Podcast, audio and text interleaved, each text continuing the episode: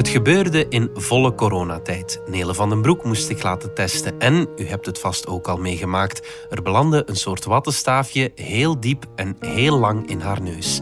Nele dacht aan Egyptische farao's en zag dat het goed kwam. Zeker omdat ze zowaar ook nog eens een echte theatervoorstelling mocht bijwonen als beloning voor haar negatieve test.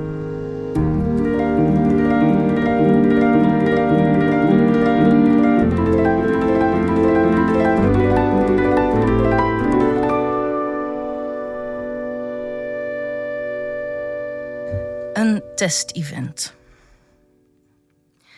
Vooraleer een Egyptische farao de eeuwige windels in werd gewikkeld, werden zijn hersenen via de neus netjes uit de schedel gepulkt door middel van een lange, dunne haak.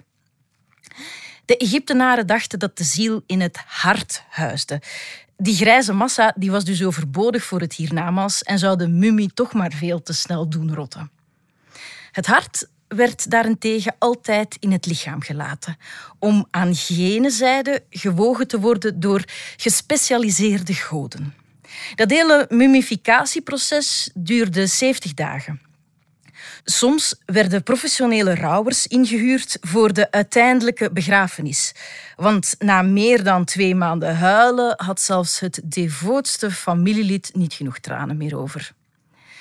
Het is een job die ik mezelf nog wel zie doen beroepshuiler. Indien u dood bent, laat mij iets weten en we spreken een tarief af. Nu, het idee van die haak in dat neusgat is iets wat mij altijd is bijgebleven uit de les geschiedenis in het eerste middelbaar. En nu, net nu, terwijl een enthousiaste vrijwilliger een plastieke twijgje diep mijn neus induwt, is dat het beeld dat bij me opkomt Ik probeer snel aan iets anders te denken. Het is zo voorbij, Nele. Het is een sneltest. Pas later zal ik te weten komen dat de snel in sneltest slaat op de tijd waarbinnen het resultaat bekend is en niet op hoe lang die stok in je neus zit. Dit is mijn allereerste COVID-test. Of dat niet rijkelijk laat is, hoor ik u vragen? Uh, wel, nee. De nood aan een test had zich nog niet eerder aangediend. Ik ben in het afgelopen jaar niet naar het buitenland getrokken. Ik ben niet ziek geweest, behalve in mijn hoofd. Ik ben een handenwassende, maskerdragende maniak en ik heb geen risico en nauwelijks ander contact gehad. Tenminste, zo vertelt de app op mijn telefoon me. Ik krijg een nummertje en een stoel toegewezen dat wachten blijkt toch onverwacht spannend te zijn. Ik vermoed dat ik op geen enkele manier COVID heb opgelopen en toch ben ik zenuwachtig. Een snelle zijdelingse blik leert mij dat de vrijwilliger intussen veranderd is in de god Anubis, compleet met jakhalskop en al, die mijn teststaafje op een weegschaal legt met aan de andere kant de veer van de waarheid. Ik moet dringend iets doen aan mijn morbide verbeeldingskracht. Mijn test is negatief. Oef. Wanneer ik de zaal uiteindelijk betreed, blijk ik een uur te vroeg. Er was wat tijd voor die sneltest uitgetrokken, maar die blijkt toch echt inderdaad snel achter de rug. Ik besluit nog een ommetje te maken.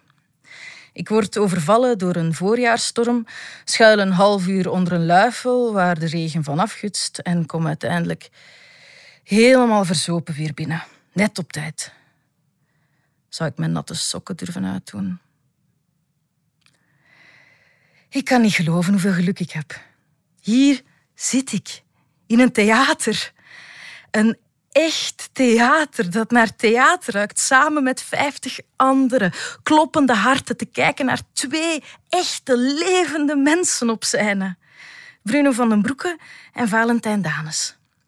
De voorstelling, Jonathan heet ze, is opgezet als de begrafenis van een moeder die alleen stierf in een woonzorgcentrum door COVID geïsoleerd van alles wat haar lief was.